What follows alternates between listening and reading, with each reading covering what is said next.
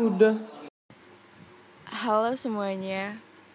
Uh, ini pertama kalinya gue buat podcast, jadi maklumin aja kalau suaranya agak-agak kaku dan canggung. Um, perkenalan dulu kali ya. Oke, jadi nama gue Meli. Gue mahasiswa biasa, bukan siapa-siapa yang kebetulan dapat tugas bikin podcast selama 5 menit aja. Tapi kita lihat aja nanti uh, berakhir di menit keberapa. Um, jadi uh, gue mau sharing tentang pengalaman pengalaman yang cukup menarik di hidup gue. Sebenarnya gini uh, gue pribadi itu uh, bukan tipe orang yang punya banyak banget cerita atau pengalaman yang seru-seru karena ya biasa-biasa aja gitu sih. Tapi adalah beberapa yang menarik dan cocok buat di sharing salah satunya yang bakal gue ceritain ini. Uh, jadi ini kejadiannya waktu gue kuliah semester 2 semester lalu karena sekarang gue semester 3 waktu semester 2 kemarin gue dapat mata kuliah drone dan dapat tugas akhir tugas buat uas itu uh, suruh buat apa ya bikin kayak sebuah video gitu dokumenter atau feature gitu. Um, dan ini tugasnya kelompok. Kelompok gue milih untuk buat dokumenter.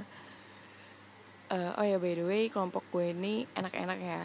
Uh, maksudnya kayak bisa ngebantu semua gitu. Nah uh, kelompok gue memutuskan untuk pergi di pergi ke salah satu tempat di Indonesia.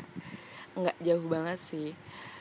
Um, tapi tempat ini tuh kayak surga yang tersembunyi gitu. Serius nggak bohong dan ini nggak lebay. Kenapa gue bilang surga? Karena tempatnya itu bener-bener indah coy. Keren parah.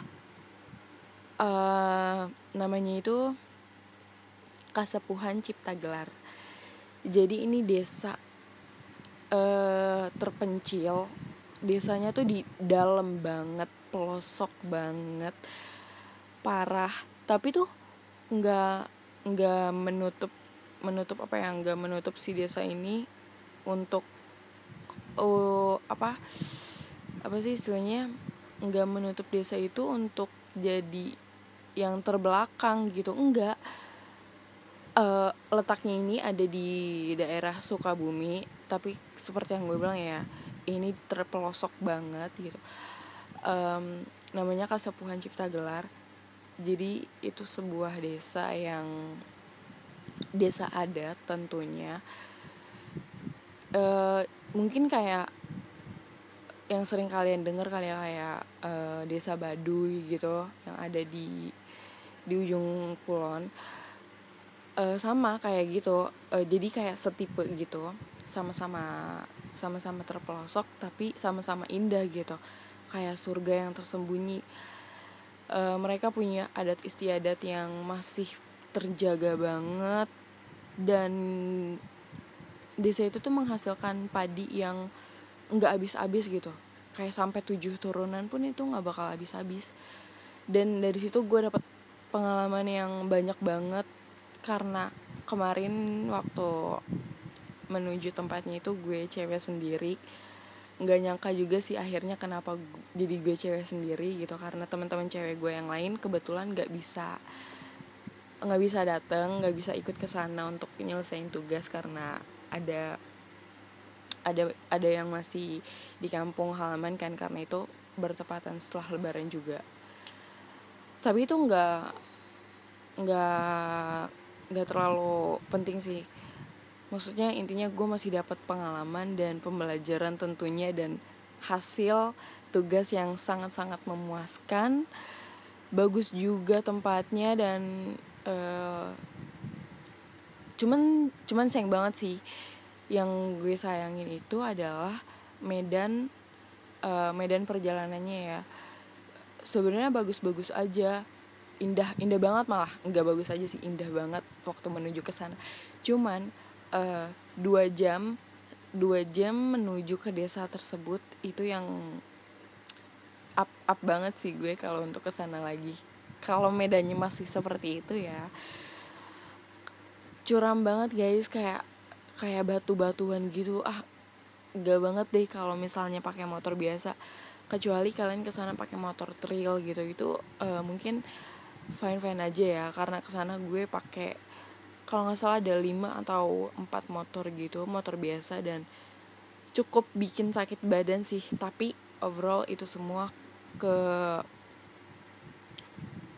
rasa-rasa capeknya tuh kebales gitu setelah lo lihat pemandangannya yang asri yang masih indah banget cantik banget pokoknya kalau kalian penasaran kalian bisa searching di YouTube Kasapuan Cipta Gelar. Um, oh ya untuk orang-orangnya di sana juga welcome banget sih. Kita disambut sama kepala adatnya ramah-ramah. Terus juga wah intinya sih seru banget ya di sana.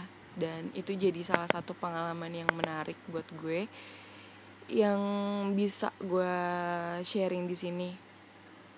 Karena menurut gue pengalaman yang menarik itu buat gue pribadi ya. Gue bisa menyebut itu suatu pengalaman yang menarik kalau gue udah pergi ke suatu tempat yang baru.